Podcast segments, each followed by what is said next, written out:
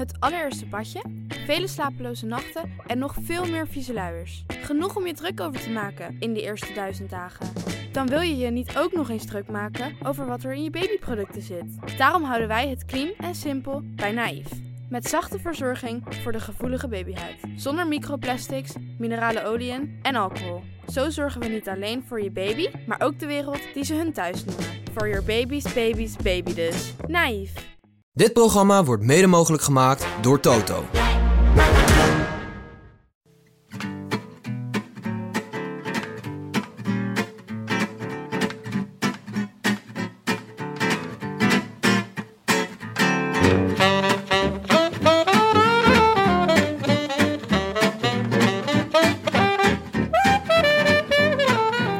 Het is woensdag 22 mei en de Giro kabbelt voort. Live vanuit de Bali in Amsterdam is dit de Rode Lantaarn, de wielerpodcast van Het is Koers.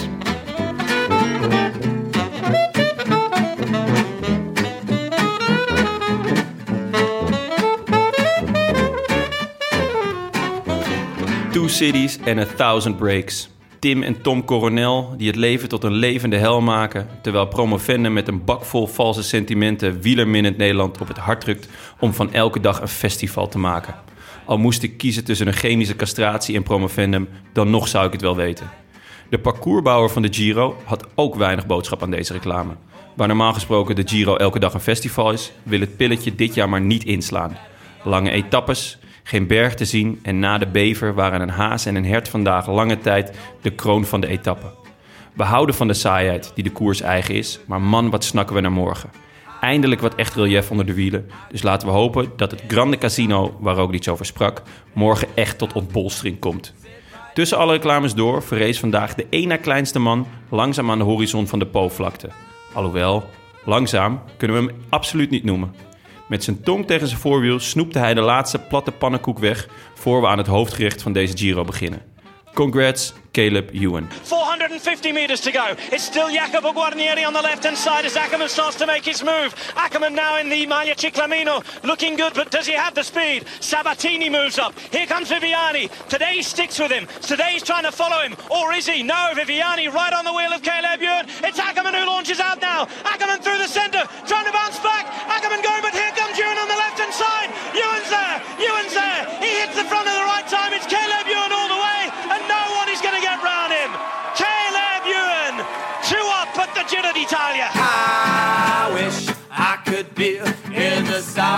south of France. In the south of France, sitting right next to you. Jongen, jongen, Jonne, daar is ook geen woord Spaans bij, hè? Ja, Tim, eh, ik, ik word zo krankjorum inmiddels van die reclames. Het, het, op een gegeven moment zit het onder je huid. Ja, jij kijkt die reclames ook netjes elke keer. Dus gewoon, jij kan ze echt dromen op een gegeven moment. Ik heb gewoon een impuls, ik zie de reclame, ik sta op en ik loop ergens anders naartoe. Ja, misschien komt het ook omdat ik vaak ehm, ehm, via de, de Eurosport Player kijk. Eh, dan, omdat ik eh, aan het werk ben of eh, ik ben met mijn dochter wandelen. En dan heb ik hem gewoon aanstaan in mijn oortjes. En dan hoor ik weer, maak van elke dag een festival. Of, of heb jij je autoverzekering al af? Two cities, one break. Ik word gewoon helemaal krankjoren van. Ik zie het aan je. Het- ja, het- lichte krankzinnigheid in je ogen. Nou ja, misschien komt het ook ja, toch door de beetje de saaiheid eh, van, van de eerste anderhalve week nu. Ja, laten we het er zo meteen uitgebreid over hebben. We moeten het even hebben over de omstandigheden waar we in zitten. We zitten namelijk vandaag in de Bali en niet in onze woonkamer of eh, op onze bank in Amsterdam-West. Klopt, daarom eh, zit er echt wel wat meer galm in, in het geluid. Waarvoor, sorry, en af en toe horen we een tram voorbij komen. Ja. Wat wel eh, lekker die stadse sfeer geeft. Maar ik weet niet of, daar, dat of mooie- onze luisteraars daar nou op zitten te wachten. En, eh, en eh, geen Willem vandaag aan tafel, maar wel Liedewij van Noord. Yes. Liedewij, wat leuk dat je er bent. Ja, vind ik ook. Welkom, Dankjewel. heel leuk. We hebben je ongeveer eh, 23 keer uitgenodigd, volgens mij, in de geschiedenis van de Rode Lantaarn. Maar nu is het er eindelijk van gekomen. Beetje de vrouwelijke Frank Heijnen dan. Beetje de vrouwelijke Frank Heijden. Zegt hij ook altijd nee? Ja, die heeft echt heel vaak nee gezegd. Oh. Ja. Ja, en ik was ehm, onderweg, eigenlijk precies toen de Giro begon, was ik onderweg van Italië naar Nederland. eh, met een beetje pijn in mijn hart. En ik was alle wielerpodcasts van de afgelopen maanden aan het terugluisteren. En ik hoorde jullie en toen dacht ik, ja, misschien dat dat het leed een beetje kan verzachten. Dat dan op de dag dat de Giro in mijn dorpje komt, of in ieder geval daar heel dichtbij, dat ik dan met jullie over de Giro kan praten. Laten we Ja. het hopen. Maar hoe kan je het zo ongelukkig hebben gepland? Ja, dat is heel, heel ongelukkig en een heel ehm, oninteressant eh, administratief APK-autoverhaal. Oh, wauw. Oké, nee, dan eh, zullen we dat eh, verhaal laten lopen. Een administratief APK-autoverhaal. Dat vind ik wel, dat vind ik de beste verhalen persoonlijk. Ja, had je misschien Tim en Tom Coronel even moeten vragen. Die weten daar wel raad mee. We, zullen even, we moeten even Liedewij goed introduceren. Voor de mensen die Liedewij nog niet kennen. Kan ik me bijna niet voorstellen. Maar er zullen wiel, wielerliefhebbers zijn die Liedewij nog niet, eh, niet eerder ontmoet hebben. Eh, nou, schrijver volgens mij in de eerste plaats. Van onder meer Pellegrina. De wielerbedevaartstocht door Italië. Eh, samen met grafisch ontwerper Robert-Jan van Noord met een T. Ja, Geen familie. geen familie dus, nee. Nee, wel eh, twee van Noord, dat is leuk. Ook een belle histoire. Korte verhalen over het parcours van de Tour van 2016. Ja.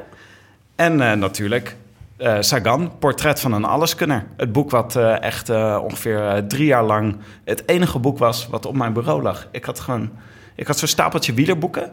Die heb ik, eh, die heb ik allemaal eh, eh, één voor één eh, heb ik die weggegooid. Alleen Sagan bleef, bleef over. Oh, ik dacht dat je ze allemaal had gelezen, maar dat deze overbleef omdat je er echt geen zin in had.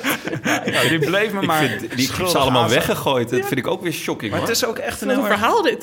Ja, het was een lullig ontknoping geweest. Maar het, het is ook echt een vet boek. Het ziet er heel mooi uit eh, van de buitenkant, vind ik. Sagan kijkt je echt super intens aan op de En foto. heb je het inmiddels ook gelezen of heb je er nog steeds vooral naar gekeken? Omdat Ik heb het het zo ook- vet is. Nee, ik heb het ook gelezen. En eh, ik was, eh, het was eh, volgens mij vorig jaar of twee jaar geleden...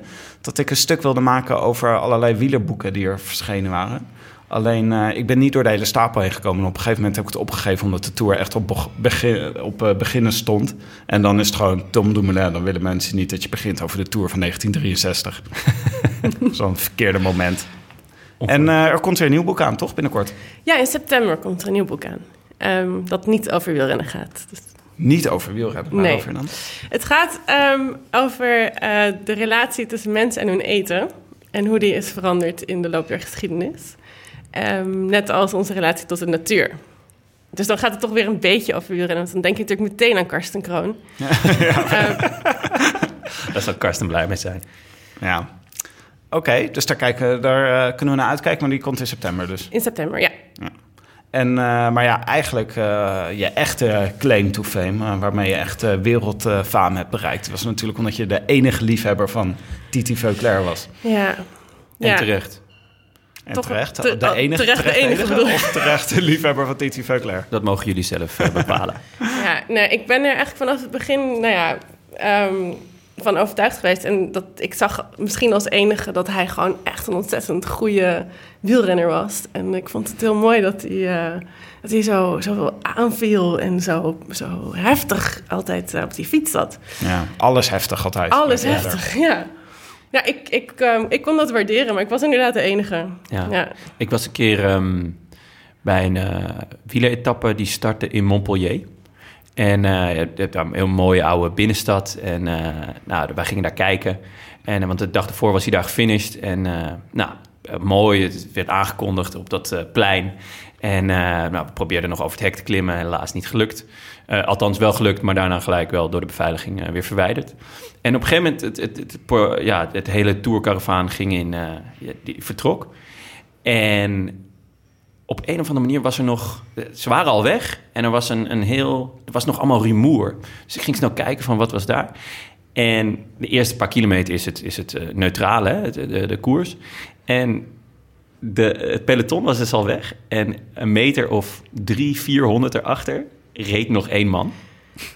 Maar dit is een heel, Veuclair. heel Ja. bekend verhaal. Want Ja. de echte liefhebbers van Veuclair weten dat dit altijd bij elke etappe het verhaal was. Dat Ja. iedereen al weg was en dat Veuclair daar dan op zijn dode gemakje Ja. nog een beetje Om even achteraan kan rijden. om uh, toegeapplaudiseerd te worden, Ja, toch? ja dat, was, dat was heel duidelijk. Het, hij deed nog net niet Nou, jij zegt... eh, zo. Ja, in dat de vorm kan van... niemand zien. hè. Het is audio, jongen. Ja, Ja, daarom- jij moet dat beschrijven. Tim, wat deed ik net? je deed zeg maar zo dat gebaar dat je zo je handen in elkaar doet. En Ja, dan naar het- allebei de kanten van je hoofd om te laten zien hoe sterk je bent. Ja, het overwinnings... eh, Het is misschien het enige gebaar dat ik Verklaar nooit heb zien maken.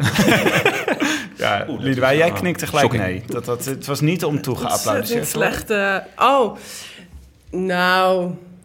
Dan zou... Kijk, als hij dat altijd alleen maar in Frankrijk deed... dan wel, denk ik. Maar ik zag hem ook eigenlijk wel vaak gewoon nog tot het laatst... met de ploegleider over de, de etappe praten. En ik weet niet wat het precies is. Maar, nou ja... Omdat hij te veel sterallures had om bij de teambespreking te zijn? Of? Misschien, misschien is dat de verklaring.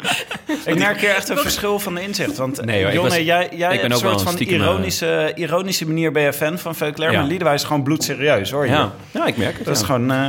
eh, Dat is ook voor het eerst in deze podcast dat iemand bloedserieus is. Ik durf er gewoon vooruit te komen. Er zijn er weinig die Ja. eh, die, die ballen hebben. Ja, chapeau. Weet je ook wat hij nu aan het doen is eigenlijk? Is hij, eh, is hij helemaal uit de sport verdwenen? Is Nee, hij- hij, hij heeft volgens mij een, een, ehm, een opleiding gevolgd tot, tot manager of iets in de sport. Hij is dingen aan het doen. Hij doet volgens mij dingen voor de Franse tv. Ik weet het niet precies. Ik dacht ook dat hij eh, betrokken was bij, eh, bij de tour, bij de organisatie. Ja, Dat hij daar ook een rol in zou gaan spelen. En, maar, en volgens mij, dat, maar dat zullen we deze tour dan wel echt voornamelijk zien... rijdt hij nog steeds een meter of 200 achter het eh, peloton aan. Ja. Niet om zich toe te laten juichen, maar om nog even de laatste tactische besprekingen door te geven. ja, precies. Eh, Oké, laten we het zo meteen uitgebreid hebben over eh, Italië en eh, de streek waar de, waar de Giro nu doorheen gaat. Maar laten we nu eerst nog even over Sagan hebben, want ik kan echt niet wachten om je daar dingen over te vragen. We hebben namelijk al het hele voorseizoen over Sagan. ja, en jullie hebben het alleen maar voor liefdesverdriet. Ja, onze, Dat is ja, heel dat is- aandoenlijk eigenlijk. het is Ja. een hele brave interpretatie van wat er met Sagan aan de hand is. Nou ja, we hadden, Heb oh, jij een niet brave interpretatie dan? Ehm, nou, misschien wel. Eh, Ik heb wel... Ik heb, nou ja, ik- kijk, ik weet hoe liefdesverdriet je hele leven op de kop kan zetten. En dat dat overal invloed op kan hebben. En dat je dan eigenlijk dat niks nog echt belangrijk is. Ja, wij zijn ook ontzettende romantici en wij zien dat Enorme gewoon. Wij zien andere mensen die lijden. Ja, maar ehm, je, je hebt natuurlijk mensen die, dat, die daaronder lijden. En je hebt mensen die als een soort tegenreactie misschien... ehm, juist een soort van heel wild vrijgezellen bestaan gaan leiden. Eh, ja. En ik weet natuurlijk ik weet niet of dat aan de hand is, maar ik weet wel dat Sagan houdt best wel van, van drinken. En dan niet van twee biertjes, maar gewoon van vrij veel wodka. Ja. Ehm, Ik kan me voorstellen dat hij misschien eh, niet zo optimaal ehm, voor zichzelf heeft gezorgd als andere jaren. Omdat hij Oh, wel wat een beetje losbandiger heeft geleefd. En hij heeft, nou, daar heeft hij wel vaker problemen mee gehad natuurlijk. Met die focus op de training en ehm, op alles doen voor, om fit te blijven. Dus dat zou een, een fysiek eh, aspect kunnen zijn. Ehm, het kan ook iets mentaal zijn. En of dat dan liefdesverdriet is of misschien iets anders waar hij zich wat zorgen om maakt. Of ehm, wat er nu speelt en waar hij... eh, Zorgen om de toekomst van de Europese Unie. Bijvoorbeeld. bijvoorbeeld. Echt, ja. Want je weet wat een wereldverbeteraar het is. Ja, Ja. Over, over, de, over de opkomst van China. Ik denk dat Precies. je veel over nadenkt. Eh, bijvoorbeeld. bijvoorbeeld. Dat is wel echt iets voor Sagan, ja. Of meer wieler gerelateerd. Maar nog, is er nog meer, nog meer overwegingen die je, daar, eh, die je daarbij hebt? Ehm, nou, ik weet niet. Misschien zit Hmm. hem iets, eh, iets... Maakt hij zich druk om iets? Of ehm, is er, speelt er op dit moment iets waar hij... eh, Misschien moeten jullie Stef Clement uitnodigen. Ja, ja precies. Ja, nee, ik dacht Ja. ook gelijk toen, je, toen jij zei van... eh, ja, jullie zijn wel erg romantisch met je liefdesverdriet. Want, want ja, talent, eh, talent zou ook niet snel weggaan. Nee, maar zijn probleem is nooit talent geweest, maar altijd motivatie, denk Ja. ik. Hoe, heb, heb je hem gesproken? Nee, Nee? nee. ehm, ik, heb, eh, ik heb heel hard mijn best gedaan om hem eh, te spreken te krijgen. Ehm, Hoe doe je dat dan? Nou, via de ploeg, via het management, eh, mailtjes schrijven, eh, via andere mensen die dan, waar je telefoonnummers van hebt. Ehm, nou, maar hij was te druk. Ondertussen verschenen er allemaal andere interviews met Sagan, maar voor mij was hij te druk. Eh, en dit was al volgens mij in, in november of december. Maar hij was al te druk met, met de focus op de tour. Dus hij had geen tijd voor interviews. Dat was het verhaal. Dat is ook een Ehm, beetje... Dat is toch een beetje eh, eh, onaardig, is dat, toch? Uiteindelijk zeiden ze ehm, dat ik hem eh, per e-mail een paar vragen mocht stellen. Maar daar heb ik nooit een reactie op gekregen. En toen, toen verscheen het boek. En toen zijn er mensen geweest die naar hem zijn toegegaan met het boek. En toen zei hij, daar heb ik nooit toestemming voor gegeven. Wij wisten helemaal niet dat dit speelde en dat zij dit boek aan het, aan het schrijven was. Ik denk, nou, ongeveer twintig interviewverzoeken, maar verder... ehm, hij- natuurlijk waren ze op de hoogte. Maar toen ik later hoorde dat hij zelf met een boek bezig was, dacht ik misschien dat, daar, ehm, dat hij daarom dacht: ik hou mijn hele verhaal eh, voor mezelf en ik ga niet meewerken aan een boek over mij dat niet mijn boek is. Ja, dat zou kunnen. Of, of de interviewverzoeken zijn natuurlijk niet bij hem beland, maar bij eh, afgekaatst op een perschef of iets Ik denk dat het hem niet zoveel kon interesseren en dat ze eigenlijk misschien ehm, het boek liever niet hadden gehad. Ehm, maar ze wilden zeker niet meewerken. Maar het is ook wel een beetje de Sagan die er uit jouw boek voortkomt, vind ik. Dat, wat je nu vertelt, dat, eh, het is een soort van duiding van een fenomeen eigenlijk, wat je doet. En eh, ehm, het blijft toch een beetje smaak van over dat het is ook een soort van grote Peter Sagan-show die er door het land trekt. Met waarschijnlijk een hele grote entourage van allerlei mensen die iets van hem willen of zeggen wat hij allemaal moet doen. Ik kan me wel voorstellen dat het eh, zeer willekeurig is wat, daar doorheen, wat er toevallig doorheen komt en wat niet. Ja. Is, eh, ben, je, ben je op een andere manier ben je minder van hem gaan houden doordat je Nou, ik, proces? ik hield eigenlijk al nooit zo heel erg van. Ik was nooit een fan van hem. Ehm, daardoor wilde ik dit boek ook wel schrijven, omdat ik wist dat ik niet ehm, me altijd zou laten meeslepen door, door dat. nou, dus eigenlijk, eigenlijk, als je iets negatiefs zegt over Sagan, dan krijg je gelijk. Eh, dan wordt er gelijk eh, gereageerd. Dat mag eigenlijk niet. Door fans, van Door, fans. nou ja, en bijna iedereen is fan. Beetje tegenovergestelde van Verclair. Ja, precies. Ik, eh, Ik zie wel een rode draad. ja, Een rare rode draad, maar hij Altijd is er net iets anders dan, eh, dan iedereen. Ehm, dus, maar... En ik was eigenlijk, toen ik klaar was met het boek, was ik ook wel klaar met hem. Ehm, vooral omdat hij niet wilde meewerken. En dat vond ik heel lastig. En ik heb zelfs op een gegeven moment halverwege mijn uitgever gemaild. En gezegd, ik wil niet dat het, dat het doorgaat, dit boek. Want hij, ik wil niet met hem praten. Hoe kan ik nou een boek schrijven over iemand die mij niet wil spreken? Hoe kan ik nou... Ehm, dus ik, ik heb daar heel erg mee geworsteld zelf. Omdat ik vond dat het ehm, een soort dat ik het als journalist niet goed genoeg had gedaan of zo om een boek waardig te zijn, omdat hij daar niet zelf in stond. Of omdat het hem, nou ja, het gaat over, over hem. En hij heeft er, ik heb heel veel interviews van andere mensen gebruikt. Maar ja, ik, vond, ik, had, er, ik had er echt moeite mee dat ik, eh, dat ik hem niet te spreken heb gekregen. Doet me heel erg denken aan eh, het verhaal Frank Sinatra Has a Cold. Ken je dat verhaal van Nee. Gay Talese? Die schrijft een profiel over Frank Sinatra en lukt niet om Frank Sinatra te spreken. Dus heeft hij iedereen om hem heen geïnterviewd. Zeg maar van de schoonmaker tot de portier tot de kapper. En eh, gewoon eh, nou, zoveel mogelijk mensen om hem heen om zo een verhaal te maken. En eh, dat is een heel vet verhaal geworden door, waarin je heel erg ziet dat als, Frank, als er iets gebeurt in het leven van Frank Sinatra, heeft het invloed op zoveel verschillende mensen. Dat als hij verkouden is, dat er gewoon honderd mensen door beïnvloed worden in hun leven. Dat is eigenlijk misschien bij Peter Sagan ook wel zo. Dat als Sagan een slecht seizoen heeft, hoeveel mensen balen nu dit voorjaar omdat Sagan een slecht seizoen heeft? Nou, precies. En ja, en dat is natuurlijk ook wel, hij heeft, daar moest ik ook nog net aan denken, omdat hij natuurlijk met eh, al die mensen om hem heen, en dat was natuurlijk inclusief zijn vrouw. Ehm, en een van de voorbeelden daarvan, dat zijn de aardperen. Ehm, dat zijn schoonouders een handeltje hadden in aardperen. Dus dat Sagan op televisie in Slowakije spotjes ging maken over voor aardperen. Ja. Ja. Had je dat maar in de reclames van Eurosport, hè Jonne? Gewoon de, Ik zou onmiddellijk een, over een aardperen. dozijn aardperen bestellen. Precies, en in die, eh, in die spotjes van Bora die hij toen deed, Ja, daar die kwam waren regelmatig een aardpeer voor. Ja? Ja, het was allemaal doordacht. Het was allemaal... Oh, wat vet zeg. Maar ik vond dat ook echt eh, heel leuke reclames. I love this cooking revolution. Ik dacht, ja, ik hou er ook van. Maar is Revolutie. Is het nou wat jou betreft een uniek fenomeen in het peloton? Of is het, gaat het eigenlijk met veel andere renners ook zo? Nee, hij is wel, hij is wel uniek. Ehm, zeker. En dat wilde hij ook zijn. Dus ik denk dat dat ook wel heeft geholpen. Nou ja, ik weet niet wat ik nu zeg. Maar volgens Dat mij hebben ze, dat hebben ze wel aangedikt. Dat hebben ze wel uitgebuit, Ja. laat ik het zo zeggen. Ja. Dat hij een uniek personage was. En het allemaal anders deed dan de rest. En met die... Dat hij dan zijn benen niet ging scheren. En dat Nibali dan met scheermesjes. Natuurlijk Nibali, wie anders? De, de, de meest gesoigneerde man van het Italiaanse wielrennen. Met scheermesjes naar Sagan toe ging. Met, en smeekte om zijn benen te scheren. Of hij ook zijn benen mocht scheren. Dat zou, Ja. dat zou een leuke reclame zijn voor Gillette. Ja, Ja. dat is ja, Nibali die de benen van Sagan scheurt. Ja, Dat is een goed idee. Kijk, we, Dat we komen nu op dat allemaal dat leuke zou een revolution reclames. zijn.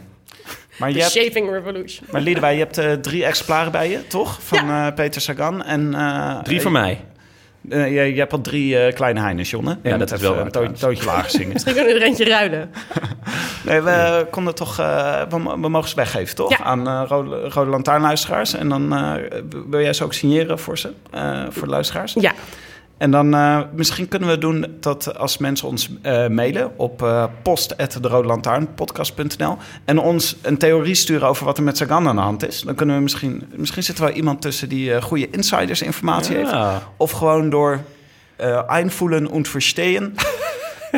door heeft wat er met Sagan aan de hand is. ik ben heel benieuwd. Ik ook, zeker. Gaan we de beste theorie leuke, verzamelen. ja. en dan Leuke opdracht voor de Rode Brigade. Ja, misschien nog een vervolg over schrijven over alle theorieën Omtrent, eh, rondom Sagan. ja. Zijn er nog renners nu in het peloton waarvan je denkt, daar zou ik wel echt graag een, eh, die zou ik een tijdje willen volgen en een eh, biografie over schrijven?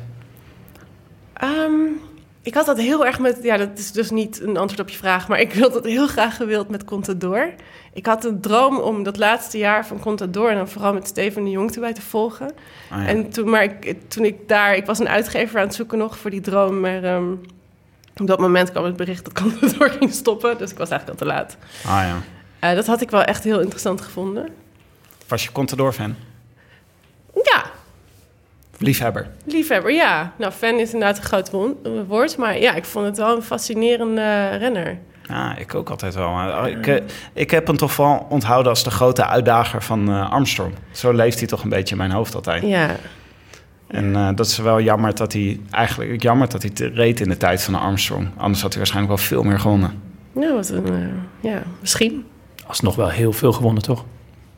Hij is, de, eh, hij is nu eh anchor, toch? Hij, eh, doet, hij is de Karsten Kroon van de Spaanse televisie. Precies, ik zag hem laatst op tv en heel netjes eh, gekleed. Of meer de Thijs baardje? Zonneveld van de, van de Spaanse televisie, volgens mij. Nou, hij is na afloop van de koers... eh, eh, geeft hij analyse en commentaar. Heeft hij een baardje? Volgens mij had hij een baardje. Ik heb hem Ja? misschien niet. Misschien heb ik het baardje verzonnen. Een Ja, zich wel fantoombaard. Oké, genoeg over Sagan. Laten we het over eh, de Giro hebben. Ehm, want eh, ik vergat nog bijna te vermelden over Liedewij. Eh, dat jij komt uit een, een dorpje met de prachtige naam Mornese in Italië. Ja? Dat nou, is, ik kom er niet vandaan. Dat moet ik toch wel... eh, Ja, je, je woont er. nu. ik, ja. En eh, dat is, ik, eh, ik zat te denken van, hoe, hoe, hoe noemen mensen, hoe noemen mensen dat gebied die daar vandaan komen? Zijn dat inwoners van de Po-vlakte of zijn dat, komen die mensen uit Piemonte? Of, Nou, eh, Waar ik woon, eh, en dat is heel erg dicht bij Novi Ligure, waar vandaag de finish was. Ehm, en in dezelfde streek, dus waar het laatste deel van de etappe werd verreden. Ik woon in de heuvels. Eh, het is absoluut niet vlak waar ik woon. Ehm, geen meter.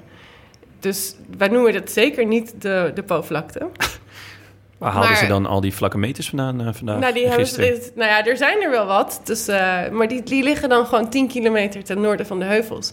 Ze hebben er kennelijk voor gekozen om, eh, om in plaats van een heuveletappe... een totaal vlakke etappe ehm, te organiseren. En alle, alle leuke heuveltjes, pittige klimmetjes te vermijden. Vorig jaar had de Giro Rosa was in de heuvels bij mij. met in de etappe van Ovada naar Ovada. Het was een hele spannende, leuke ehm etappe. een heuvel, is dat dan een heuvelrit? Of Ja. wordt er gelijk een Nee. bergetappe daarvan? Nee, wel een heuvelrit. Ja. En, eh, en eh, het, gebied, het gebied is bekend omdat ook Fausto Coppi er vandaan komt, toch? Precies, zo ben ik er ook gekomen. Ehm, want toen ik Pellegrina schreef, toen ben ik naar ehm, Castellania geweest. Het dorp waar, eh waar Coppi eh, geboren is. En waar nu, nou, het is eigenlijk een Coppi, een, een openluchtmuseum, dat dorp. Alles draait daar om Coppi. Inmiddels ook naar hem eh, vernoemd, het- toch? Ja, het heet Ja. zo, toch? Ja, dat hoorde ik vandaag inderdaad. Dat het nu eh, Castellania Coppi... eh Ja. Maar dat, dat had dat ik nog niet kasteel gehoord. Nee, Castellania. Oh, wat betekent dat? Dat is gewoon de naam van het dorp. Oh, oké, dus gewoon de naam van het dorp, maar gewoon Coppi erachteraan Ja. geplakt. De meeste mensen Ja. noemen het Castellania, maar het is echt Castellania. Ah, ja. Voordat we weer rectificaties Ja, krijgen. precies. Ja, ja, precies. Anders wordt Leon Geuyen van het is koers weer boos op ons. Ja. En dus daar, daarom, omdat ik ehm, eigenlijk op zoek ging naar koppie, eh, kwam ik in die streek terecht. En dus ook in Novi Ligure. En ik vond het zo ontzettend mooi daar in de heuvels. En dus precies waar we vandaag de etappe niet was, daar was het heel erg mooi. Het is toch met de Giro-organisatie aan de hand. Dat past toch helemaal niet bij hun om een vlakke etappe te selecteren... als er ook een monsterlijke heuvelrit mogelijk is. en, en ook nog de dag na een vlakke etappe. Ja. Ja. Misschien is er iets eh, in zich gevaren. Dat er een sprintersploeg boos is geworden en heeft gezegd... er zitten te weinig sprintkilometers in. Ja, het zou kunnen. Ik weet niet. Of misschien is er heel veel geld betaald eh, van, door een sprintersploeg. Of, eh, Misschien wel de Quickstep zei gewoon... ja, we hebben niks te zoeken in de Giro... als er zo weinig vlakke kilometers Nou, er in valt natuurlijk wel wat voor te zeggen. ehm, aangezien de, de Italiaanse kampioen dit jaar een sprinter was. Dus, dus de, de, de driekleur met Viviani. eh, ja, daar valt wel wat voor te zeggen dat ze daarom wat meer vlakke etappes hebben gedaan. Om, ook om hem te lokken. Eh, hij wou zelf per se naar de Giro, ook vanwege zijn driekleur. En eh, er kwam vandaag een statistiekje ook voorbij dat de laatste eh, sprinter die in, in de Italiaanse kampioenstrui een, een etappe won in de Giro was Cipollini. En dat blijft voorlopig nog wel even. Lekker, Jonne. Dus ja, voordat we het over de etappe en over de Giro van vandaag hebben... we moeten nog een paar kleine administratieve dingetjes moeten we even behandelen. Ditjes eh, en datjes? Ditjes en datjes, Ja, leuk. zat ik aan te denken. Leuk. Eh, we kregen een mailtje. Eh, nee, wacht. Laten we beginnen met het soundboard van Renaat, Jonne... die jij met hoofdletters in de aantekeningen hebt geschreven. Renaat! ja, ik, Mis je Renaat? ik mis Renaat. Ik mis Renaat enorm. Ehm, ik vind Karsten Kroon geweldig. Maar ja, de, de, jullie weten, alle, ik ken allemaal mijn liefde voor de verslaggever van Sportza. En Renaat vormde een, bij tijd en wijle ongenaakbaar duo met eh eh, José, altijd tijdens de Giro. Want dan zat Renaat niet op de motor, maar eh, in het commentaarhokje. Ook omdat Renaat een absolute Italiaan, Italië-liefhebber is. Met een ja, fenomenale uitspraak. En om, om, om als doekje voor het bloeden heeft, kwam ik op Sportza het Renaat Soundboard tegen. En ja, heb je dus een paar heel korte uitspraken van Renaat in het Italiaans over de koers. Ja. Gruppo Compatto, ja. Ik ben het helemaal met je eens. De, het commentaar van Renaat en José de Kouwer tijdens de Giro... dat was het beste, fijnste, mooiste commentaar. ja. Ja, want Nog, nog beter dan met Wuits. Daar keek ik echt naar. Ja, Ja. precies. Omdat er een, er zat nog meer een soort, eh, ja, het klinkt een beetje gek, maar een soort vader-zoon relatie tussen die twee. Omdat Renaat wat jonger is. Eh José noemde hem ook vaak, eh, is eh, ja jong, dus ja jongen. Eh, en soms was het daardoor ook een beetje ongemakkelijk, bleef het ook wat ongemakkelijk lang stil. Maar eh, ja, de, de kennis en, en het plezier, ja, spat er ook bij tijd en wijle vanaf. Maar het mooiste vond ik altijd als de laatste kilometer eraan kwam. Hebben we die in? Staat ehm Tutti Pazzi per Pirazzi er ook bij? Nee, helaas niet. Nee, het, zijn- het zijn echt Jammer. heel, heel korte fragmenten. Maar de ultimo kilometro, ja, daar daar krijg krijg gewoon kippenvel van.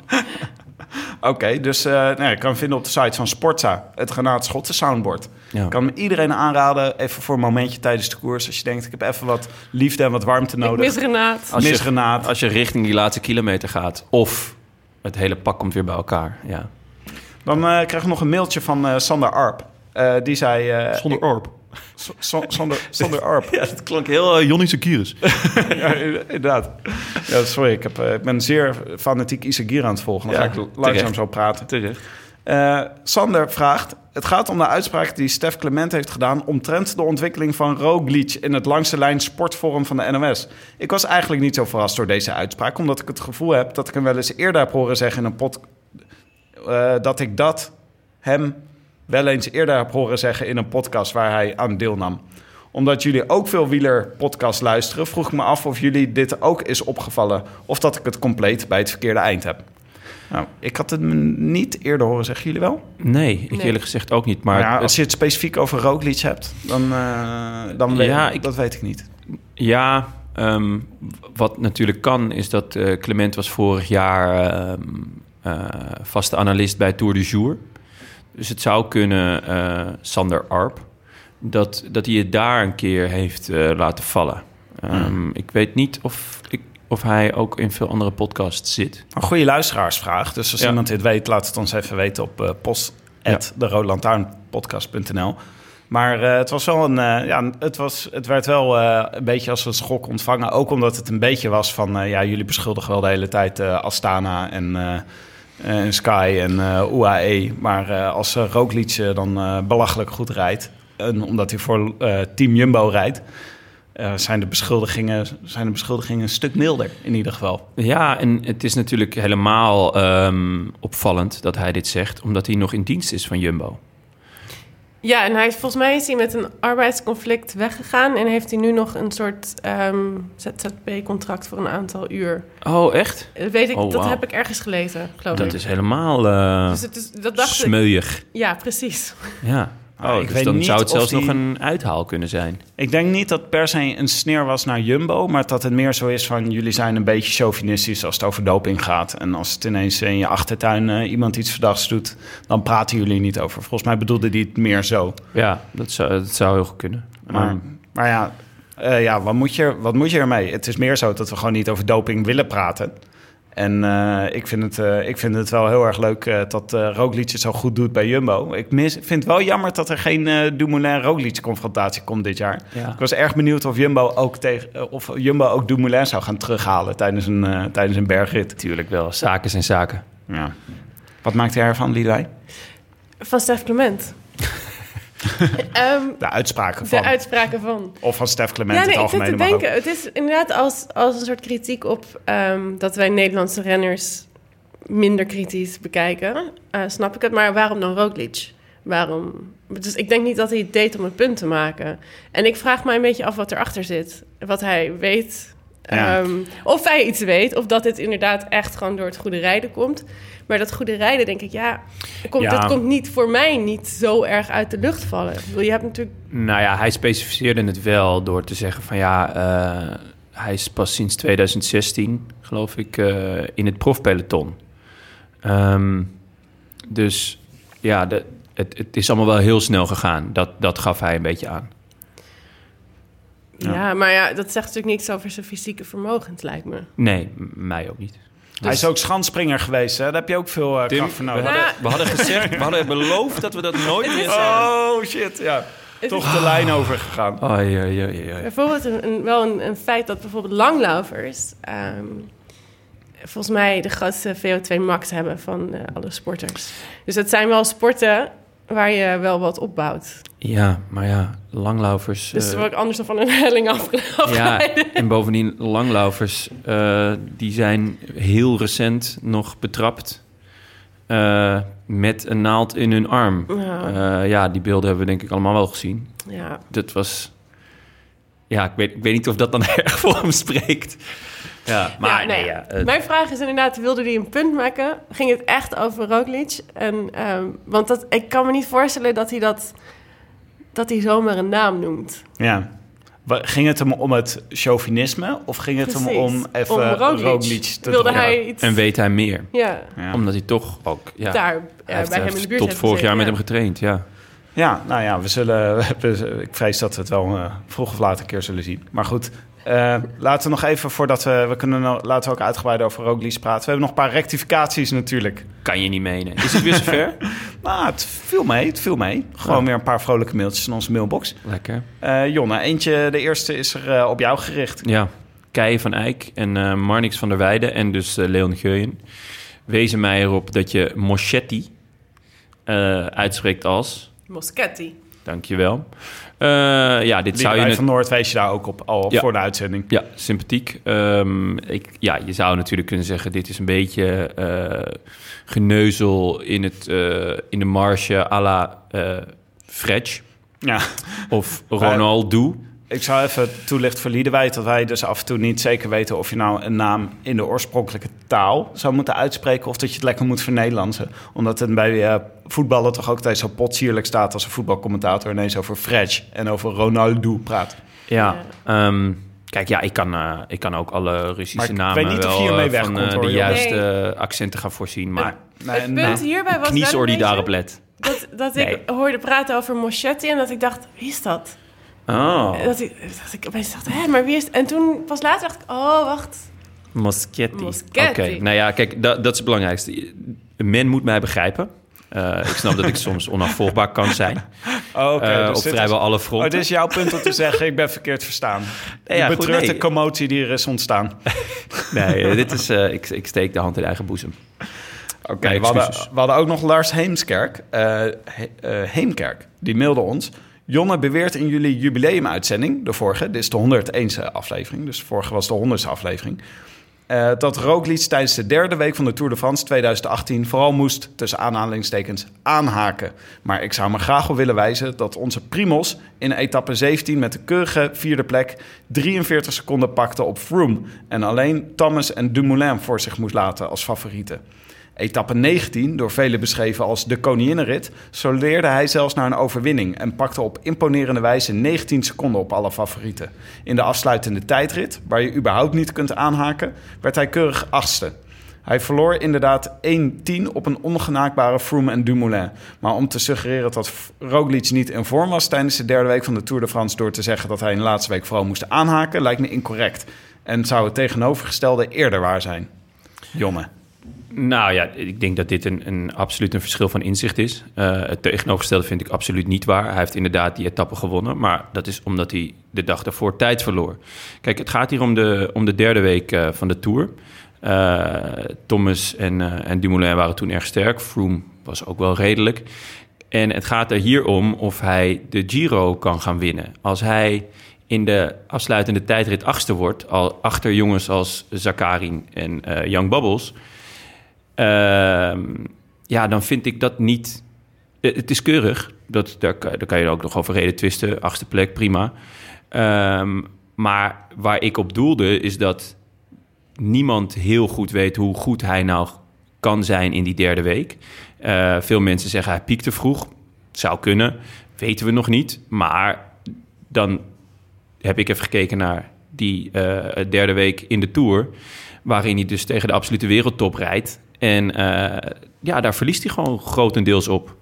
En dat is volgens mij wat ik zei. En niet zozeer van... eh, ja, dat, dat hij... eh, ja, ik, ik vond dat hij wel aan het aanhaken was, om heel eerlijk te zijn. Oh ja, die magische derde week. Nou, ik zal me benieuwen hoor, dit jaar of uh, net, zo, eh, net zo'n inzinking potentieel kan krijgen als Yates. Of dat hij misschien een beetje moet afhaken. Of dat hij, eh, of dat hij eraf gereden wordt straks tegen Roglic of Ja. tegen Yates. Ik weet het niet. Maar in ieder geval denk ik hierbij, ik kan wel echt een natje gebruiken. Zo! Droge mond. Laten we het, over, laten we het gewoon uitgebreid over de Giro gaan hebben. En eh, tot onze grote vreugde, Liedewij, had jij eh, wat te drinken meegenomen. Ja, dat klopt. Wat is, Eh, eh, wat van- is het voor fles? Ook een beetje vanwege de heimwee. Eh, dit is eh, een Gavi. En eh, Gavi is het dorp dat ligt tussen Novi Ligure en mijn dorp in. De ehm, finishplaats, hè? Novi Li- Ligure. Ligure? Novi Li- Ligure. Ligure. Ja. Ehm, en nou, in Gavi wordt, eh, wordt een witte wijn gemaakt van de Cortese druif. En eh, die heb ik meegenomen. Ah, goede wijnstreek. een flesje. Ehm, nou, ja, het hele, ik woon in de heuvels. ehm, als je vraagt over het gebied, dat is niet de Po-vlakte. Ik woon in het Monferrato. Dat is een van de bekendste wijnstreken van Italië. eh, waar onder andere de Barbera ook vandaan komt.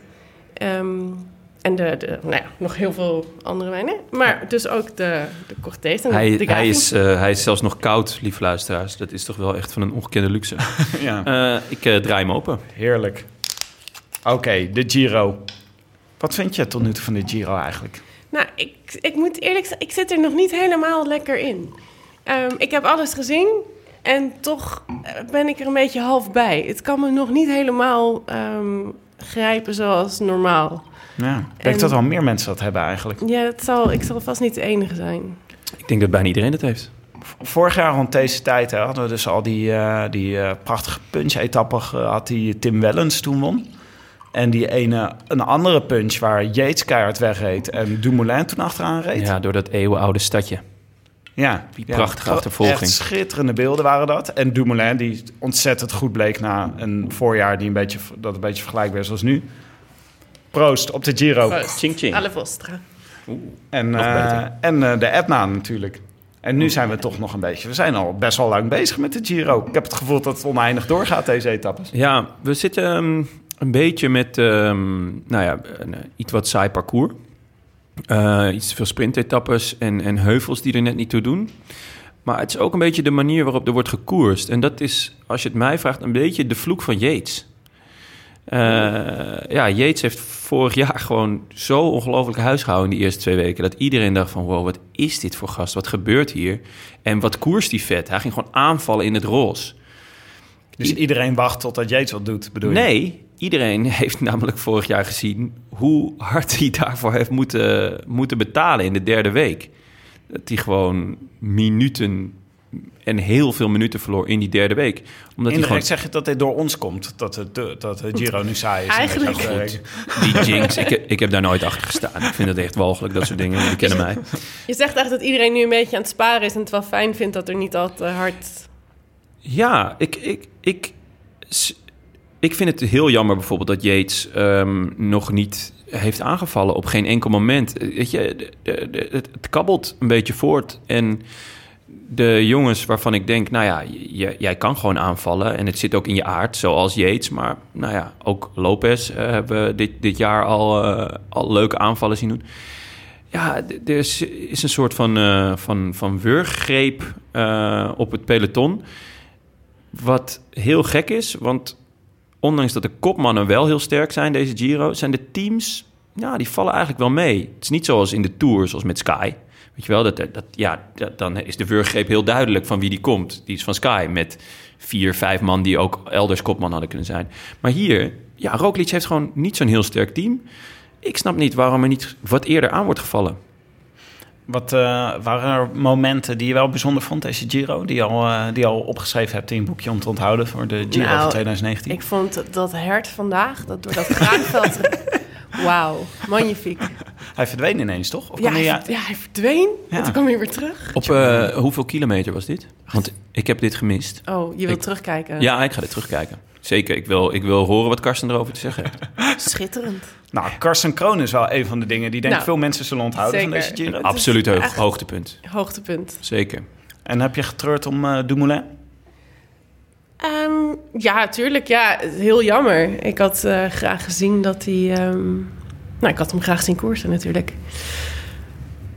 Ik zet me wel vrij snel altijd wel weer over dat soort dingen heen. En dat is volgens mij, daar zat ik ook nog aan te denken... een beetje een gevolg van het feit dat ik wielrennen ben gaan kijken... in de tijd dat Nederlanders eigenlijk nooit echt wonnen. Dus ik kijk altijd naar iedereen en naar de hele koers. Ja. En het, het irriteert mij ook enorm dat heel veel ehm, journalisten en columnisten dat niet doen. En alleen maar op die Nederlanders. Ik word er zo moe van, dat gefocust op die Nederlanders. Dan ligt Mo- Dumoulin eruit, gaat de helft van de journalisten naar huis. Ik snap het ergens wel, want dat is natuurlijk wat mensen willen lezen. Maar ik vind het soms ook een beetje, dat ik denk, ja, gaat het nou om die ene renner waar je dan al je hoop op vestigt? Of gaat het om de koers zelf en om de wedstrijd? Ehm, Ja, helemaal mee eens. Ja, Eh, Willem, is hier nu niet, dat is Ja. onze grootste nationalist. Maar, Maar- het is, eh, eh, ja, wij hebben denk ik alle drie wel dat we kijken voor de koers, omdat we het Ja. allemaal heel erg leuk vinden. Nou moet ik wel zeggen dat ik ook wel echt eh, ontzettend chauvinist word van, van het wielrennen. Ja, ik, ik heb dat wat minder, omdat ik inderdaad precies in dezelfde periode ben gaan kijken als jij, dat, dat Nederlanders gewoon per definitie nep waren. En Willem noemt dat altijd eh, de, de, genera de Rob Ruig-generatie. Dat we moesten kijken van, zit, zit Rob er nog bij? Ja, dat, dat was natuurlijk armoedtroef. Dus dan moet je het van andere, andere dingen en andere renners hebben. Maar ook inderdaad van, van de koers zelf. Neem niet weg dat ik absoluut eh, het leuk vind als, als Dumoulin en Mollema en eh Groenewegen het goed doen natuurlijk. onthoud altijd meer als het tijdperk Eddie Bouwmans. dat was toch echt, eh, dat was zeg maar de periode tussen Breukink en Bogert. Ja, Dat was, eh, daar, was, eh, daar was echt niks te beleven. Toen had je een hele tijd natuurlijk dat Bogert de hele tijd tweede werd, overal. ja. Maar eh, ja, zoveel luxe als we nu hebben, dat is wel. Ik denk dat eh, mensen ook een beetje geconditioneerd raken in Nederlanders met die zorgen voor spectaculair koersverloop. Want het is natuurlijk geen moment saai altijd met Dumoulin. We zijn zo ongelooflijk verwend. Ja. ja. Bedoel, Nu, nu gewoon, weet je wel, Dumoulin valt weg. En we altijd Mollema nog die derde staat Ja, in en- het klassement. tot dit seizoen was het enige wat miste was een vette klassieke renner. Ja, goed. Ja, maar nu ook. Ja, daar hoeven we ook niet meer eh, verlegen om te zitten. Ben je zelf, eh, fiets je zelf wel eens een berg op eigenlijk in Italië? Ik heb echt een intense hekel aan klimmen. Ik ben echt een daler. ja, ja, een- meer een eh, Nibali dan een... Ik- ja, absoluut. Ja, nee, Een liever bergaf. Ik heb altijd zo'n zo'n droom van zo'n... ehm, een, stoeltjeslift die je dan naar de top brengt. Ik, ja, dat, dat, dat hele afzien van dat, ehm Nee, ik heb precies dat hetzelfde. klimmen, dat ligt mij niet. Het is vreselijk. Maar wat is... eh, maar wat ik is vind de dalen ook doodeng trouwens. Ja, dalen is, dat is inderdaad ook waar. Er is eigenlijk niks leuks aan. En eh, ik moet ook trouwens mezelf al corrigeren... dat we al een paar keer gezegd hebben... dat Nibali helemaal niet zo goed in dalen is... als, we, als de hele tijd soort het, het verhaal is wat er om hem heen hangt. Hebben jullie dat gezegd? Willem zegt dat heel vaak. Echt? Ja. Ja. Dat hij helemaal niet zo goed is in dalen als Ja, hij... dat zegt Eh, Jammer zo- dat hij hier niet is nu. Anders had je hem de oren gewassen. Nou, Maar wat is de mooiste berg in Italië eigenlijk om te beklimmen voor de, voor de, voor de koers? Heb je een favoriet? nee. Nee. Nee. Niet de Nee. Gavia. Nou ja, ik vind, ik vind eh, wat het fijne aan de Mortirolo vind ik dat de naam alleen al een soort van rillingen bezorgt. Dat is het, het allermooiste samenkomen van, van nou ja, een verschrikkelijke berg en een naam die als een soort van martelwerktuig klinkt. Ik vond de Zoncolan ook wel erg mooi voor Ja. haar. Dat was ook een uh, onverwachte. Die kende ik nog niet eigenlijk. Of was ik nog niet zo mee bekend. Vond ik een hele mooie berg. Maar die zitten dit jaar niet in helaas. Ja. Ja, we, zullen, we ontkomen er toch niet aan dat we even over de etappe van vandaag moeten praten. ja. Hadden we het al gedaan? We hadden het hert en niet haast. ja, de hert en de haas. Het en de ja. haas, ja. Nee, eh, het, was dus, het ging vandaag van Carpi naar Novi Ligure. Ja. ja, goed. Je bent nu volgens mij de enige. Ik heb het vandaag de hele dag verkeerd gehoord, overal. Dus Ben ik de eerste die het eh, gewoon eh, in de microfoon juist uitspreekt, Ja. die niet uit, de uit de omgeving komt? precies. Nou, dat kan ik toch meenemen na vandaag. Het was 221 kilometer, dus was best wel lang. Dat was ook een van de dingen waar we het over hadden. Hè? Lange Ja. etappes eh, de hele tijd. Lange etappes, veel reclames. Vorige keer dat hier gefinished werd, was het geen sprint, maar was het Jérôme Pino. Die, eh, Met EAU. Ja, die net peloton vooruit bleef. En ehm, ja, maar vandaag leek het toch wel erg een, eh, een sprint te gaan worden. Ook omdat Viviani gewoon nog niks gewonnen heeft. En Quickstep dan er wel voor zorgt dat het op de sprint uitdraait. Dus ja, ik heb een paar eh, hoogtepunten opgeschreven van de etappe van vandaag. Dat is knap van je. Naast het hert eh, de haas. het was, eh, Ja, die haast die maakte ook een soort van... Ja, in pure paniek. En, en die, ging, die, die rende weg en toen rende die weer terug. Ah, Ja, schitterend. Ja, het was Ja. echt onge... En hij reed... Volgens mij hij rende bijna een weg op. Of een trein... Nee, een spoor. ja. Rende hij bijna het spoor op? Hij rende... Nou, die haas rende dus het spoor op. En er kwam gelukkig geen trein aan. Jeetje, Liedewij, wat een verhaal. Dat hadden we dan live gezien hè, op tv. Dit is gewoon een Hoe soort trein eh, haas vangt. railway. Ja. Het was eh, 195 kilometer lang. Van de 220 hebben we dus drie man voorop zien rijden. Frapporti, Maestri en Chima. Ik spreek het vast een van die namen verkeerd uit. Maar eh, dat waren mensen die we, al, die we al wel eerder hadden gezien in ontsnappingen. Weten jullie iets van deze renners? Nee, niks. Iets... eh, Nou ja, ze gaan volle bak voor dat klassement van eh, de meeste, meeste meters eh, in de aanval. ja. Volgens mij staan ze 1, 2 en 3. ja, ja. Ja, ik heb in ieder geval... ehm Maestri en Chima heb ik al eerder gezien natuurlijk. En ja, Frapporti zal denk ik ook niet heel laag staan. In dat klassement dan. Er was nog wel een heugelijk momentje. Het was een soort van eh, eh, Nederlandse bocht. Maar dit keer een, eh, een Italiaanse bocht... waar Jacopo Guarnieri van Groupama enthousiast begroet werd. Ja, het was wat een klassieker. Hij, eh, reed even voor het peloton uit. Hij- ik had helaas niet gezien, dat is het mooiste, als ze dan even toestemming vragen. Van, hé, hey, ik, ik ga niet aanvallen, maar ik ga even hoi zeggen tegen mijn vrienden. Dat, Oh, heb ja. ik niet, dat heb ik gemist. Ik weet niet of het in beeld was. Maar ik ga ook nog even terugkijken. Hè, hoe moet je dat dan doen? Moet je dat bij iemand melden? Ja, natuurlijk. Dan rij Ga je naar naar degene... Cancellara en dan ga je Je zeggen... gaat toch niet zomaar, zomaar voor het peloton uitrijden? Dan krijg je gelijk allemaal mensen mee. Even naar Valerio Conti. Ja. Even de roze Ja, trui de Ja, maar de roze trui, Of wie er voorop rijdt, even zeggen... hé hey, jongens, ik, eh, ik, ik moet eventjes mijn moeder gedag zeggen... want anders dan krijg ik niet te eten als ik thuis kom van de Giro. Ja. Ehm, En dan krijg je een duimpje omhoog of een duimpje naar beneden. waarschijnlijk. Maar we hadden wel natuurlijk even geresearched en op zijn Instagram gekeken wie dit dan waren. Maar hij, hij zei zelf ook, eh, wat, een, eh, wat een casino was dit. Ja, dat, hij was heel dankbaar dat zoveel mensen waren gekomen... om, eh, om eh, casino, om, eh, casino te maken. Ja. Een beetje chaos, feest. Maar hij zei, ik weet niet wie jullie allemaal zijn. Nou, dat weet ik niet. Dat is het allerleukst. Ik weet nog steeds niet precies of het nou een fanclub was... of dat het familie was, of dat, eh, dat het vrienden waren. Ja. Maar er waren er wel veel. Dat is ook misschien wel leuk eh, voor de Roland Lantaarn verrassingskoers. Gewoon af en toe een fanclub Af en toe in een bocht. Gewoon wordt er één iemand uitgepikt en dan eh, feest eromheen. En dan doorfietsen. Ja.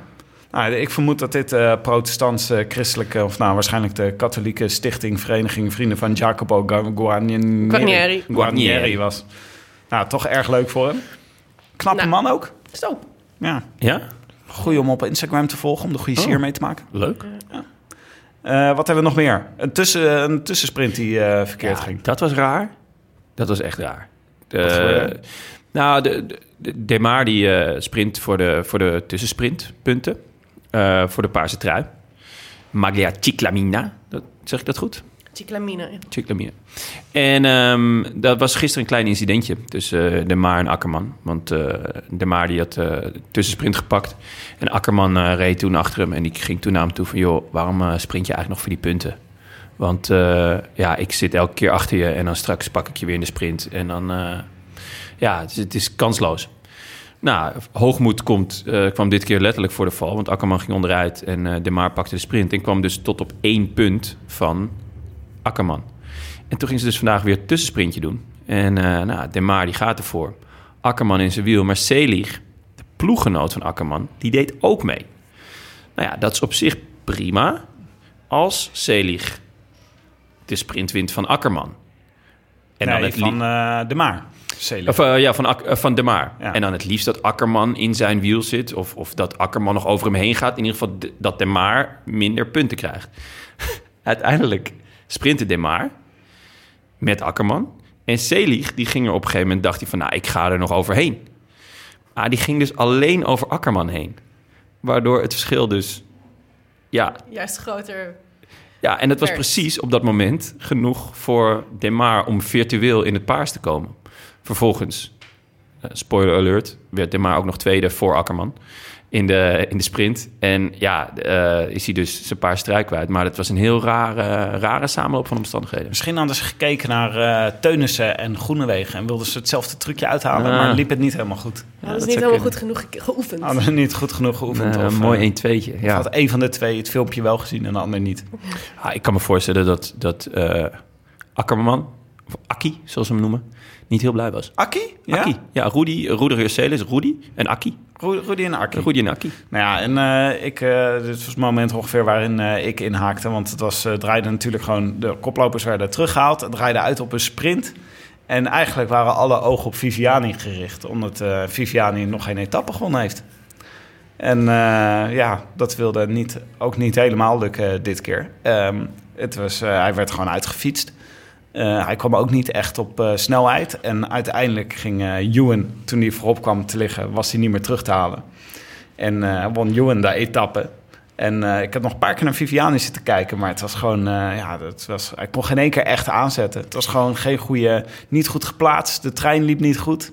Ja. Wat maken jullie van Viviani, deze Giro? Ja, ik denk, ik denk dat die, ehm, eh, dat die uitschakeling, dat, dat hij hem won. Eh, en dat hij werd, eh, werd eh, gestraft en teruggezet. Dat dat een te grote tik was om boven te komen. Hij is niet zo goed in, in vorm als vorig jaar. Maar qua sprinters is het deelnemersveld ook gewoon veel beter. Dus ehm, het is niet zo heel gek dat, dat hij er geen vier pakte. Maar het is wel heel gek dat hij er nul pakt. En inderdaad, wat jij zegt vandaag, hij zat continu te ver. Op een gegeven moment zat ik zat te kijken. Denk, hè, zit nou in twintigste positie? Ja. Dan moesten ze nog, eh, nog anderhalf kilometer. En dan twintigste positie zonder in de trein te zitten. Dus ik dacht, Ja, dat had de nog- trein loopt ook niet goed. Ja, had eh, de Sabatini. Maar het lijkt wel alsof hij daar geen, niet echt vertrouwen in had. Want dan af en toe zat hij bij Sabatini in de wiel. En dan sprong ik weer een ander wiel. En dan... Ah, het was continu twijfel. Ja. En ehm, Hij, pakte, hij kwam wel weer even terug in het wiel van Sabatini op een gegeven moment. ja, Maar toen ging het weer mis daarna. ja, Maar vorig jaar had hij dus Morkov en eh, Sabatini. Had hij de hele tijd bij zich in de sprint. Dat werkte echt supergoed. ja. Toen won hij ook een paar etappes. En nu heeft hij Seneschal en Sabatini bij zich. Dus Morkov is er niet bij. Dus misschien maakt dat heel veel verschil voor hem. Een Deen en een Italiaan die elkaar heel goed staan in het peloton. Ja. Ja. zal het zeggen. Ja, ik denk het wel. Morkov is wel een, een echt, echt een, eh, een goede sprintaantrekker. Maar ja, Sabatini vind ik persoonlijk ook geen slechte. Maar ehm, ja, je, ik vond vandaag dat je heel erg duidelijk zag dat hij twijfelde. Dus ehm, ja, als je goed bent, dan, dan, dan vertrouw je erop van, nou ja, eh, Sabatini is goed, die zet me gewoon af. En de laatste paar honderd meter maakt het eigenlijk niet zo heel veel uit wie waar zit. Ik ram hem gewoon door en dan kom ik als eerste over de streep. En nu zag je hem gewoon denken van, oh, oh, is Sabatini goed genoeg? Weet ik niet. Nou, ik ga toch maar even kijken of ik nog in, eh, in Akkermans wiel kan komen of in Ewan's wiel. Kijken of ik daar nog overheen kan. En het, het lukte hem gewoon niet. Zou hij last hebben van de druk? Dat dat er misschien was afgevallen als hij de etappe wel had gewonnen.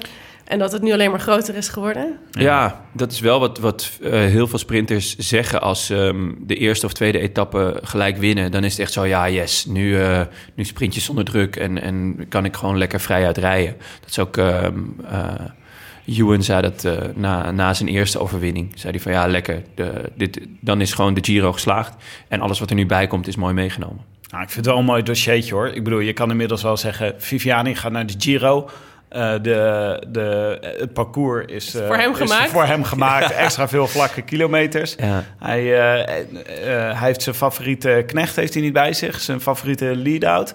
En eh, hij wordt gedisqualificeerd in de ene etappe. Ik kan me wel voorstellen dat het een beetje voelt alsof alles misgaat... en alsof, het, eh, alsof de druk te groot is. Dat je daar het vertrouwen wel van kwijt kan raken. Ja. Ja. En dan heb je... En al die andere gasten zijn ook echt uitdagers. Hè? Ewan en, ehm, en Akkerman en eh, De Maar zijn toch allemaal... eh, niet zulke favorieten als Viviani is in zo'n koers. Nee, ja, de- van tevoren werd er heel erg gedacht van het is Viviani tegen Gaviria. Allebei al veel etappes gewonnen in de Giro. nou, Gaviria ook in de Tour. Viviani toch al twee jaar echt, nou, eigenlijk sinds vorig seizoen echt de- ja, de man die, die je moet kloppen. En de eerste etappe komt ineens eh, Akkerman, eh new kid on the block. En eh, die wint Akkie gewoon... en Rudy. Akkie en Rudy, die wint gewoon de eerste, zijn eerste etappe in een grote ronde ooit. En die rijdt ook rond met een soort joie de vivre. Waar, eh, waar Frans Bauer trots op kan zijn. Ja, Akkie rijdt rond met een joie de vivre... waar Frans Bauer trots op kan zijn. dat- die kan op een tegeltje. Dat is een uitspraak. Ja. Goed, dus we hebben deze etappe Ewan eh, voor De Maar, Akkerman en Viviani. Dus ik begrijp eh, dat De Maar morgen in de puntentrui, eh, in de blauwe, blauwe, nee, paarse, Paars, ja, paarse trui van start gaat. Ehm, ja, wat hadden wij eigenlijk eh, bij de voorspelbokaal opgeschreven? Willem had Viviani. Helaas Ja. niet, eh, niet geworden. Maar ja, ik denk dat veel mensen daarop eh, gegokt hadden. Jonna, wie had jij? Moschetti. Hoe is, hoe is, met, hoe is, met, hoe is het met Marchetti gegaan vandaag? Ja, eh, hij, eh, hij deed niet mee. ja, dat is het gisteren. Ja, en een flinke ook. Door Akkie trouwens, of met Akkie. En eh, ja, dat is het, dat is het nadeel als, als we, we moeten vroeg voorspellen. We zijn eigenlijk de eerste die eh, voorspellen. En ik eh, dacht, ik ga voor een zwart paard. En, eh, maar het zwarte paard kwam heel vroeg al ten val. Ah, ik vond het dapper. We moeten ook niet eh, te voorspelbaar zijn in dit soort Het is dingen. heel makkelijk om eh, Viviani of Belletti of zo op te schrijven. ja, dat, dat zijn van die jongens, dit weet je. Belletti. Ja, ja Wie had jij, nou, Tim? Goed, die had ik. Belletti. Eh, nou, ook niet. Niet eens in de top 10 te zien. ik weet echt niet waar die was vandaag. Ik denk dat hij achter een haas is aangereden. Verstopt in het graanveld. Was hij geïnteresseerd hoe een hert een haas vangt? Ja, je weet het niet. Hij heeft ook zes jaar geleden een keer een rit in de Giro gewonnen. Sindsdien hebben we eigenlijk niks meer van hem vernomen. Behalve een keer een aanzichtkaart uit Rusland. Op vakantie was. Maar goed, hij, eh, hij rijdt nog wel mee. Eh, Zijn er, is, is er wel een winnaar? Ja, veel mensen hadden Ja? ja? Ewan. Echt? Ja, als je nu op Facebook kijkt en je sorteert alle re- reacties... kan je zien dat ongeveer de laatste acht reacties allemaal Ewan zijn. Allemaal zonder voornaam. Lijkt wel alsof er ineens een, een bot is aangezet. Een Ewan-bot. maar allemaal mensen die gewoon Ewan, Ewan, Ewan, Ewan invullen. Het Maar- was nog wel voordat hij won. Uitstekende vraag. Ja, ik dacht dat is- ook. Ja, ik heb dus even onderzoeksjournalistiek gedaan... en ik heb gekeken naar de tijd die eronder genoteerd stond. Tim. Dit was wel voor zijn overwinning. En in totaal waren er 25 mensen die hem goed hadden voorspeld. Eh, meer op Facebook dan op Twitter. Twitter zaten veel mensen ernaast. Daar waren namelijk maar twee mensen ook die niet voor het hadden. Notaris van Eyck heeft zich erover gebogen... en heeft een winnaar uit de hoge hoed getrokken... namelijk Lisette den Braber. Al dan niet familie van de podcaster John den Braber. Die samen met eh Blauwtsoen een podcast maakt. De Lange Plaat? Volgens mij, Lange Plaat Ja. heet hij. Eh, Oké, ik heb hier heel veel zin in. Nu kunnen we het echt eh, gaan hebben over eh, de echte Giro. Want morgen gaat het, eh, gaat het gewoon... Vanaf morgen gaat het beginnen. Wij zijn er aanstaande zondag weer. Dus laten we even naar de rit van zondag kijken. Van Ivrea naar Como. Ja, en Liedewij wist daar wel eh, wat over te melden. Ja, wat, eh, dat, wat voor gebied is dit? Dit is, eh, dit is het gebied van de Ronde van Lombardije. Aha. En dit is een heel mooi gebied. Ja. Ehm, ja, dit is een... ehm, Oeh, ik wou dat ik dit er nu uit kon gooien. Ehm, maar dat is... De, Ze wijst nu de naar Tim. driehoek. De... Oh, ik kom er niet op. Het heeft een naam. Dat, dat eilandje bij eh boven Como, waar dus het meer zich zeg maar zo heel erg elegant omheen vouwt. Ah, Ehm, De Bermuda, de Dimension Data De 3 van Como. De DDD van, ja. Nou, misschien dat onze luisteraars eh, ons eh, kunnen helpen deze dagen. de, iets van een L. En anders Maar- Jeroen van Babbelgem wel. Dus. Maar dit is echt zo'n etappe waarin alles kan gebeuren. Twee bergen van de tweede categorie, eentje van de derde categorie. En allemaal in de laatste 60 De laatste kilometer. 60 kilometer. Bekende bergen ook. De Gizallo. Ja, de Gizalo als eerste. Eh, daarna de Coma di Sormano. Ja, dit is, ik buig ook even voorover om, eh, om eh, op een kaartje te kijken. En de Civiglio.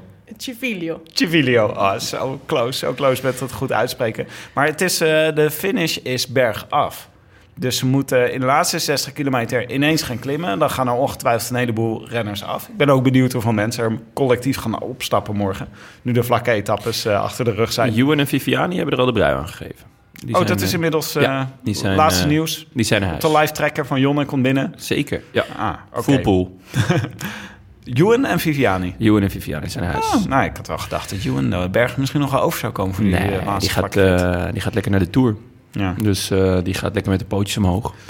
Die gaat proosten op zijn twee overwinningen. Dus En, nu eh, eh zometeen naar Como. Twee bergen, daarna een stukje vlak. Daarna weer een berg. Eh, van derde, dus twee keer tweede categorie, stukje vlak. Daarna een bergje van derde categorie. Daarna een afdaling. Dus eh, min of meer het hele overgebleven peloton kan hier potentieel winnen. Ja. Wie, eh, wie schrijven jullie op, jongens? We hebben, zal ik eerst even de inzending van Willem doen? Ja. Willem zegt Filela. Filela. David. David Leuk. Vie- Vieille. Eh, ja, leuke keuze. Dark Horse. Zou kunnen. Ontsnapping waarschijnlijk dan. Aanval, ja, waarschijnlijk wel. Het zou me ook niet verbazen als er een, eh, als er een groepje wegblijft. Daar leent het parcours zich eh, uitermate goed voor.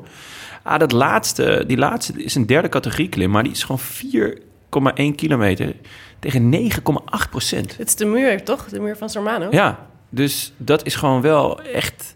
Daar kunnen gewoon wel verschilletjes worden gemaakt. Dus ik ben voor eh, een, iemand die, waarvan ik denk dat hij eerst... eh, vrijdag en zaterdag de ouderwets doorheen gaat... eh, of donderdag, vrijdag en zaterdag de ouderwets doorheen gaat zakken. En eh, dan op zover staat dat hij mee mag in, in een vlucht. En dan heeft hij wel een lekkere punch. Dus ik ga voor eh Villermoz.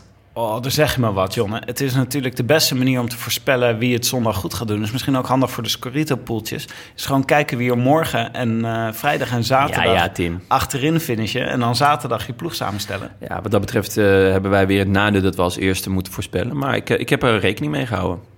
En ja, het leuke aan Villermoz is natuurlijk dat we weer Viemos. Enrique Iglesias kunnen draaien. Inderdaad, ja. Oh, lekker. Die gaat in de mix. Liedewij, wie, eh, wie heb jij opgeschreven? Ik ga voor Nibali. Ehm, hij heeft de Ronde van Lombardije. hij kent dit parcours ehm, heel erg goed. En hij eh, is ook altijd goed in deze koers. En altijd gemotiveerd. Ehm, we eindigen met een afdaling. Ehm, dat, eh, nou, Nibali is best wel een redelijke daler. Ehm, Daar zijn de meningen over verdeeld. dat zeg ik namens Willem, hè. Brabants accent moet je er zelf bij bedenken. Ja, ik, ehm, ik, het zou, ik zou het mooi vinden als hij, ehm, als hij zich ging laten zien hier. Eh, het is natuurlijk wel een grote kans dat er een groepje wegblijft. Maar nou ja, ik geloof wel dat hij zijn zinnen ehm, hierop heeft gezet. En ik zou het heel leuk vinden. Ja, Ja. ja zou leuk zijn. Het is eh eh, Thibaut Pinot won eh, Lombardije afgelopen jaar. hè? Ja. En het is eh, jammer dat hij er niet bij is. Anders had hij hem ongetwijfeld met een roze pennetje opgeschreven in zijn agenda. Eh, ik dacht, nou, laatste afdaling. We hebben gekkere dingen meegemaakt in de Giro. Ik ga gewoon voor onze vriend Young Bubbles. Nou, wat heerlijk. Waarom niet? Gewoon, met het, gewoon met het groepje mee. Het gaat, eh, mijn voorspelling, het gaat helemaal mis, deze, deze Oh. etappe. Gaat er Met mis? Young Bubble. Het gaat helemaal mis. Mensen rijden het ravijn in. Oh nee, Eh, Tim. het, eh, mensen moeten drama op dramatische wijze lossen. In een kopgroepje zitten gewoon uh, zit, uh, Lopez en uh, Yates zit er gewoon bij. En Young Bubbles. En dan in de afdaling is de enige die weg mag rijden Young Bubbles. Dit wordt, uh, dit wordt een, uh, een scherprechter, deze Giro. En welke, welke dieren gaan we tegenkomen? ja, ja, dat, laten, we het over de, laten we het over de Ik belangrijke hoop op een hermelijn. Oeh, Dat zou ik echt leuk vinden. Ja. Ja. Ik heb al een Zitten paar er wolven? dat is ook echt wel een parcours voor een hermelijn. Ja. Nee, ehm, ja, wolven. Bij mij zitten er wel wolven. Nou, dan Ehm, kan het gewoon. Wolven lopen dus- vet veel per dag. Ja, die zijn vast. Die kunnen vast wel tussen nu en, eh, en morgen Zondag, zondag. zondag een beetje zo naar het, eh, naar het noorden afreizen. Zit er, eigenlijk de- ook, eh, zit er ook gieren in Italië? Gieren. Ja. Er zit er in ieder geval één aan tafel. Ja. nou, als ze er zijn, dan zijn ze niet zo mooi Oké, weten. een wolf, een gier en een eh, hermelijn. Dan zijn wij tevreden. Ja. Meer vragen we niet. Meer Nee. vragen we niet. Tussenstandje van het Scorito Pool. Ja. We hebben een nieuwe koploper. Marius Brugman. Ja. Zou dat een, eh, een spelnaam zijn of zijn echte naam? Ja, Ik heb het opgezocht. Het is zijn echte naam. heel goed, John. Ehm, Een stukje onderzoek. de nummer twee. Wederom. Nummer twee is wel een, eh, nou, is een beetje een verbastering. Haantje.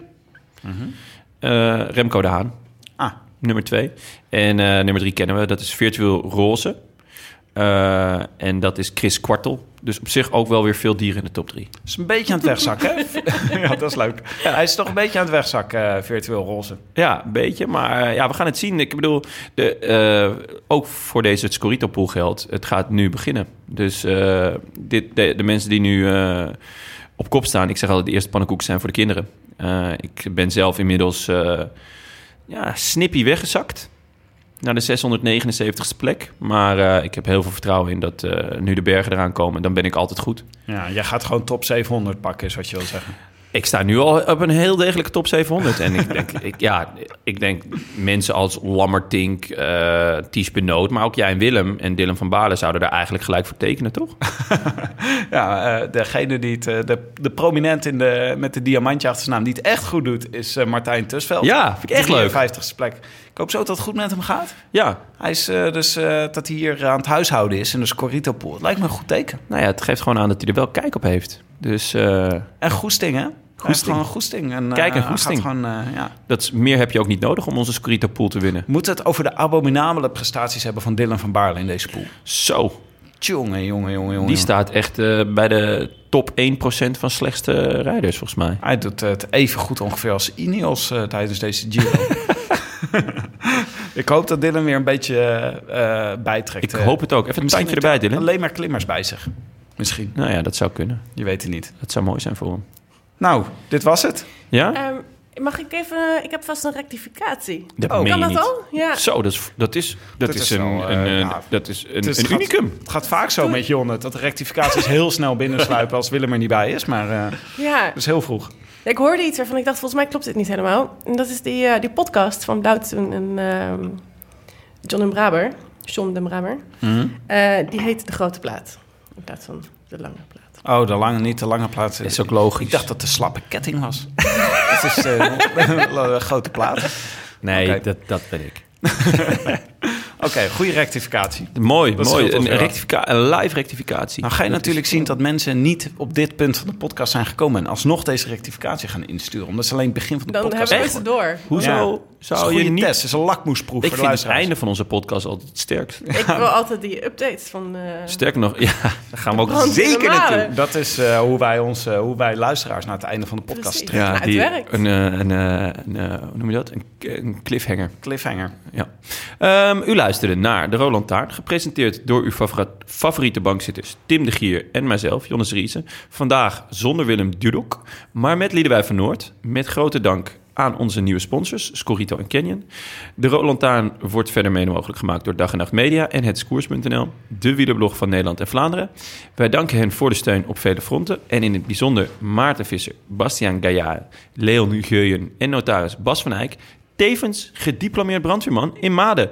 Tim, hebben wij nog een update? Of moet ik zeggen, Liedewij, hebben wij nog een update? Want jij bent ook bekend met brandweerman Bas. eh, precies. En ehm, ja, nou ja, ik, ik kijk zo uit naar die update. En nu had ik de kans om mezelf te vragen. Dus ik heb natuurlijk meteen die kans gegeven.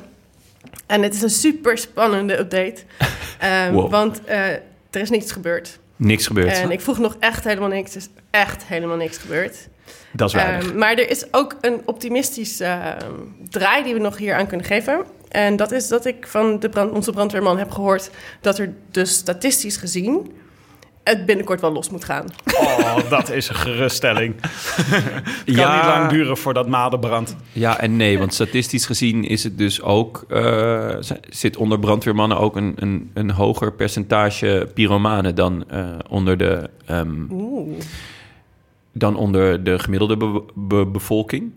Dus het zou zomaar kunnen Jongen, zijn waarom dat... moet je nou elke podcast weer iemand schofferen... of een of andere beroepsgroep of eh, bevolkingsgroep tegen in het harnas jagen? Nu moet de brandweerman er weer aan. Ja, goed, kijk, als Bas de, de boel daar in de, in de hand steekt en het dan gaat blussen en het komt uit, dan zijn wij onze notaris kwijt. Ja, dat is waar. Ja, Had er had Bas nog meer? En wil je het hebben over... ehm, Over de brandweerman? Eh, ja, ehm, over de, de KPJ, wil je het hebben? Ja, ik dacht, ik maak een mooi bruggetje. dat is de KPJ. Ehm, Ja, nou, de KPJ, dat, dat weet Willem kennelijk, maar wij weten het inmiddels ook. Ehm, maar dat, dat is iets. En de, volgens... de katholieke plattelandsjongeren. Precies. Ja, Oké. De, is, eh, het heet in Nederland de katholieke plattelandsjongeren. In, eh, in eh, Italië heet het eh, de stichting, eh, de katholieke stichting eh, Vereniging eh, Vrienden van... eh Maden. Eh, wacht, voordat de rectificaties komen. De- Ik vind dat de podcast ineens een heel Jacopo rare neemt. Guarnieri. nou, maar goed, hij wilde maar zeggen... het is saai bij de brandweer en Nou, nou ja, maar hij zei dus het oefenen is wel leuk. Ehm, want dat is een soort KPJ voor grote mensen met groot materieel. Oké.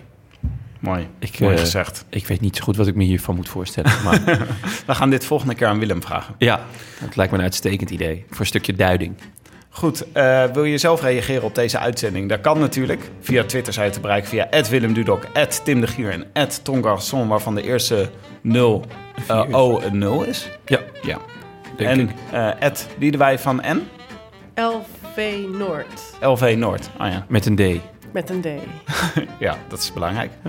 Eh, en we hebben tegenwoordig een e-mailadres, post.derodelantaarnpodcast.nl. Moet ik ook nog even zeggen dat je tijdens deze hele Giro een, eh, een Canyon fiets kan bestellen zonder verzendkosten.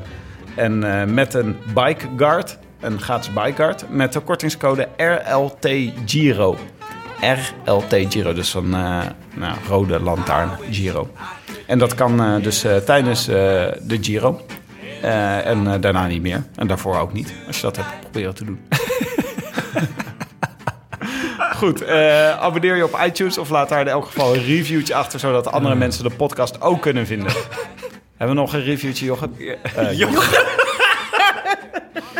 het gaat echt niet goed meer. Zo. Zo, te Eén- veel van die... Wat zit er in die Eén wijn? wijntje. Wat Eén zit er in die wijn, Jochem? Tim is helemaal loari. Oké, ehm, Tim. We hebben zeker nog een, eh, nog een review. Ehm, vijf sterren voor de verandering. Eh, en hij heet Opheldering Graag. Hij is geschreven door Half Wieltje. Eh, wat een heerlijke podcast maken jullie heren. Een geweldige aaneensluiting van slapgehouden hoer over koers, pils en woordgrappen van hoog kaliber. Ik denk dat hier wordt gedoeld op mijn eh Giro d'Italia trouwens. Maar dat geldt terzijde. Ongetwijfeld. Ja. Een van mijn favoriete elementen zijn de bijnamen zoals Paul, Maarten Wijnands Martens, Young Bubbles en het tijdperk Mollema. Ik zou graag meer weten over de geboorte van die laatste. Ik ben al een hoop afleveringen doorgezet, maar heb de uitleg nog niet gevonden. De groetjes, want zo ben ik. Rune Marijn Abbehuis van der Meijden. Nou, eh, eh, met Rune Marijn Abbenhuis van der Meijden. Of als ik Jochem mag zeggen, Jochem. Eh, dat komt dus omdat ik ooit moest ik voor de VPRO-gids. Die vroeg wie, gaat de Giro, of wie gaat de Tour winnen. En omdat ik zo gewend ben om nooit de, voor de meest logische keuze te gaan... dacht ik, ja, maar ik wil graag dat eh Bauke Mollema de Tour wint. Dus ik zei Bauke Mollema. En toen eh, kreeg ik een eh stom verbaasde reactie.